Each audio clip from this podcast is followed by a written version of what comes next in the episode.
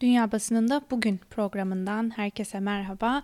Bugün 23 Nisan Ulusal Egemenlik ve Çocuk Bayramı ve bugün de programımızda dünya basında öne çıkan haber ve manşetlere göz atacağız.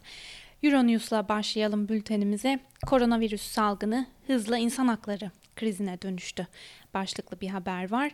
Birleşmiş Milletler Genel Sekreteri Antonio Guterres, yeni tip koronavirüs salgınının hızla insan hakları krizine dönüştüğü uyarısında bulunarak tehdidin insan değil virüs olduğunu unutmayın dedi. Guterres salgınla mücadelede yaşanan insan hakları ihlallerine ilişkin raporunu açıkladı ve salgın nedeniyle nefret söyleminin arttığına, savunmasız grupların hedef alındığına ve sert güvenlik önlemlerine başvurulduğuna dikkat çekti.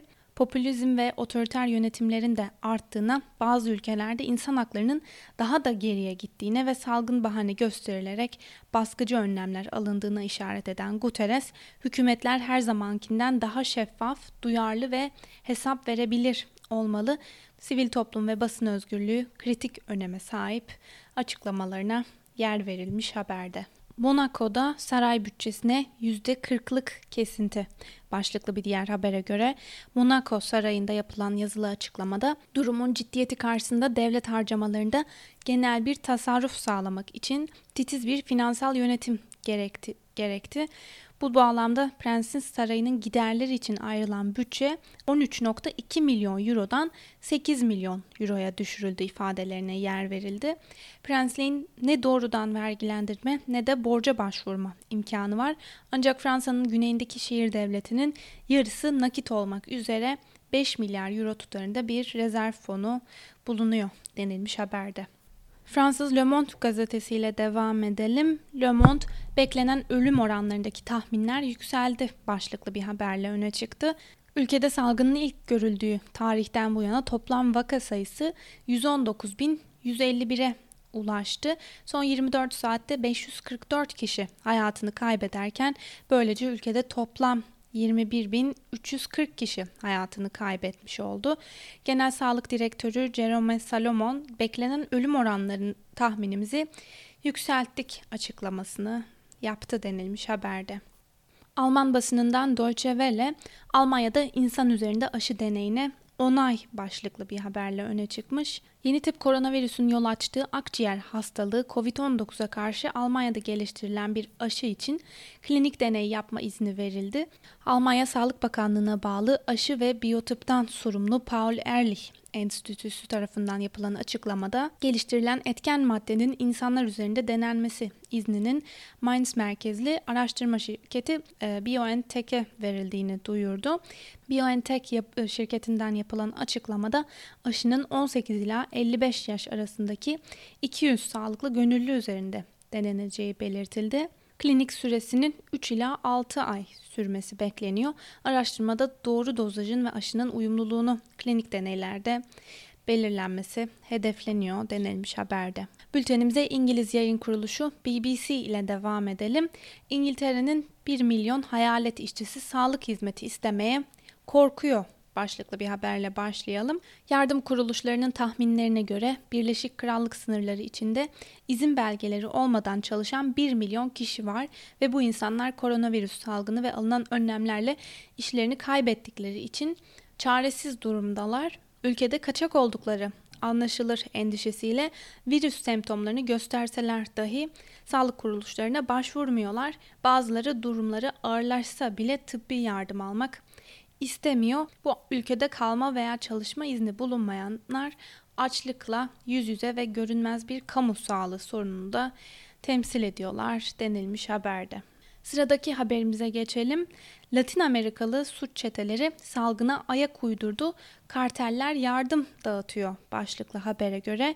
Uyuşturucu kartelleri güncel krize cevap olarak yerli halkın güvenini, sevgisini kazanmaya çalışarak cevap veriyor.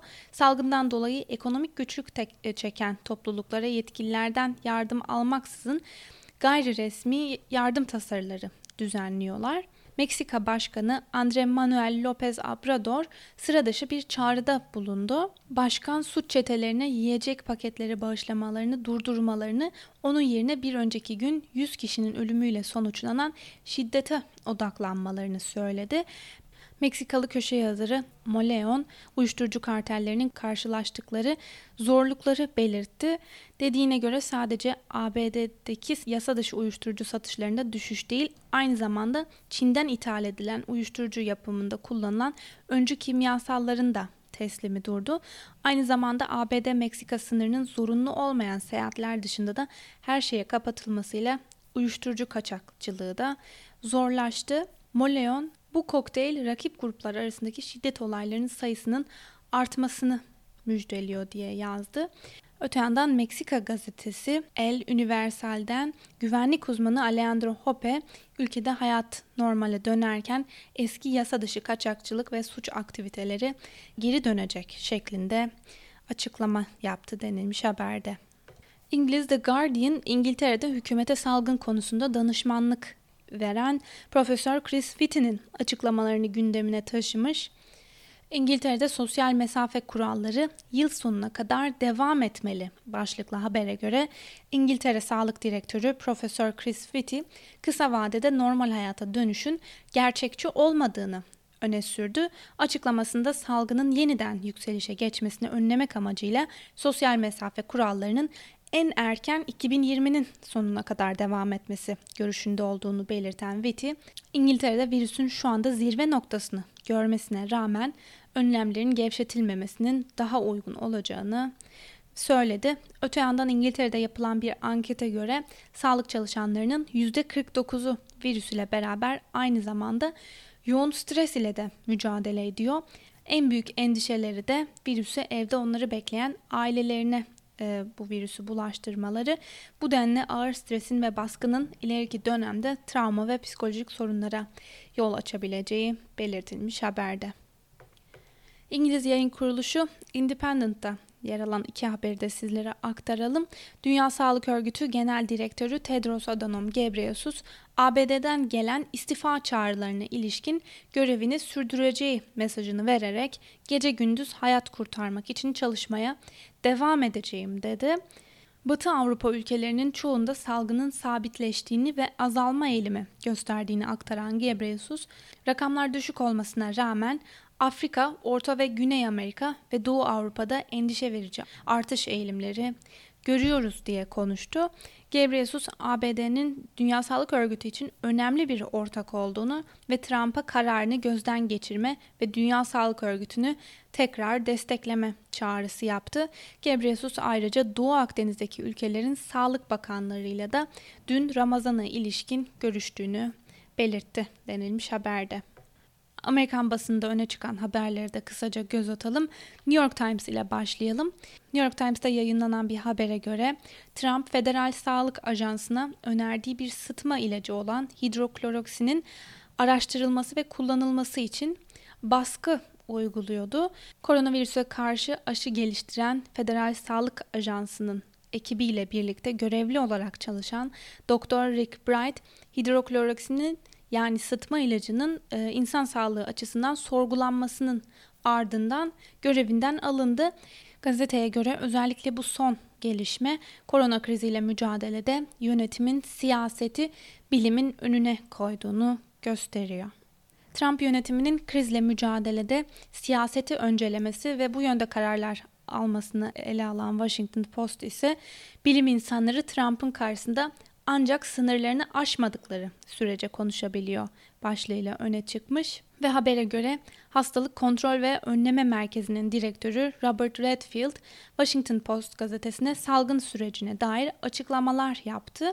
Redfield gelecek sonbahar ve kış aylarında virüs ile eş zamanlı olarak grip ile mücadele edileceği için sürecin şimdiye kadar yaşadığımızdan daha zor geçeceğini söyledi Öte yandan eyaletleri özgürleştirmek adı altında yapılan evde kal e, ve karantina önlemlerini protesto edenlerin de sürece katkı sağlamadıklarını söyledi. Ertesi gün Trump Redfield'in açıklamalarını hedef alan bir tweet paylaştı ve şöyle yazdı. Redfield'in açıklamalarını yanlış buluyorum. Sanıyorum bir hata yaptı. Kısa sürede yeni bir açıklama yapacaktır. Hemen ertesi sabah Redfield Trump'ın yanındayken Beyaz Saray'da yeni bir basın açıklaması yaptı ve söylediği sözleri yumuşatmaya çalıştı. Şöyle dedi: "Ben süreç daha kötü olacak demedim. Ben sadece virüs ile e, ve grip ile birlikte mücadele etmek daha zor olacak ama bu sürecin daha kötüye gideceğini veya mücadele etmenin imkansız olacağı anlamına gelmesin açıklamalarına yer verilmiş haberde. Voice of America'da yer alan iki habere de kısaca göz atalım. ABD'de ilk can kaybı açıklanan tarihten 3 hafta önce yaşandı. Başlıklı habere göre ABD'de koronavirüs sebebiyle ilk can kaybının 29 Şubat'ta Washington eyaletinde yaşandığı bildirilmişti. Ancak ABD'de yeni otopsi bulgularına göre koronavirüs sebebiyle ilk can kaybının daha önce açıklanan tarihten 3 hafta önce yaşandığı belirlendi. Sağlık yetkilileri Kaliforniya'da Şubat ayı başı ve ortasında hayatını kaybeden iki hastanın koronavirüsü sebebiyle öldüğünü açıkladı. O dönem korona testi yalnızca yurt dışına seyahat etmiş olan kişilere yapılıyordu. Uzmanlar ABD'de ilk ölüm vakasının açıklanan tarihten daha önce yaşanmış olduğu bulgusunun testlerin sınırlı olarak yapılması sebebiyle bazı vakaların tespit edilemeyeceği yönünde yaptıkları uyarıları haklı çıkardığını savundu denilmiş haberde. Voice of America'da yer alan bir diğer habere geçelim. Trump'tan İran hücum botlarını vuru emri başlıklı habere göre ABD Başkanı Donald Trump Amerikan gemilerini açık denizlerde taciz eden herhangi bir İran hücum botunun Amerikan donanmasınca vurulması talimatını verdiğini söyledi. Trump'ın bu açıklaması İran Devrim Muhafızları Donanması'na ait 11 teknenin geçen hafta Basra Körfezi'nde ABD gemilerine yaklaşmasının ardından geldi. Öte yandan ABD askeri yetkilileri Nisan ayı başında İran devrim muhafızlarına bağlı donanma kuvvetlerinin Basra körfezinde Amerikan gemilerini tehlikeli bir şekilde çok fazla yanaştığını söyleyerek bunun kışkırtıcı nitelikte olduğunu savunmuştu denilmiş haberde. Ve son olarak Rus basınından Moscow Times Rusya'da medya üzerindeki baskıyı gösteren bir haberle öne çıkmış. Rusya'nın önde gelen gazetelerinden biri olan Vedomosti'nin yeni genel yayın yönetmeni çalışanların Putin'in önerdiği anayasal değişiklikleri eleştiren makaleler yayınlamasını yasakladı. Vedomosti gazetesinin medya editörü Ksenia Boletskaya'nın yaptığı açıklamaya göre gazetenin yeni yayın yönetmeni Andrei Shmarov, bağımsız Levada kuruluşuna ait haberlerin, anketlerin ve Putin'in önerdiği anayasal değişiklikleri eleştiren makaleler yayınlamasını yasakladı ve Domosti'nin kurucusu ve aynı zamanda The Moscow Times'ın yayıncısı olan Derek Sauer, bağımsız bir gazetenin Konstantin Ziyatkov ve iş adamı Alexei Golubovich'e satılmasının ardından Shmarov'un ise yeni genel yayın yönetmeni olarak işe alınması ile ilgili endişe duyduğunu söyledi denilmiş haberde. Sevgili Özgürüz Radyo dinleyicileri, bu haberle birlikte bugünkü programımızın da sonuna geldik. 23 Nisan Ulusal Egemenlik ve Çocuk Bayramımız kutlu olsun. Yarın aynı saatte görüşmek dileğiyle. Şimdilik hoşçakalın.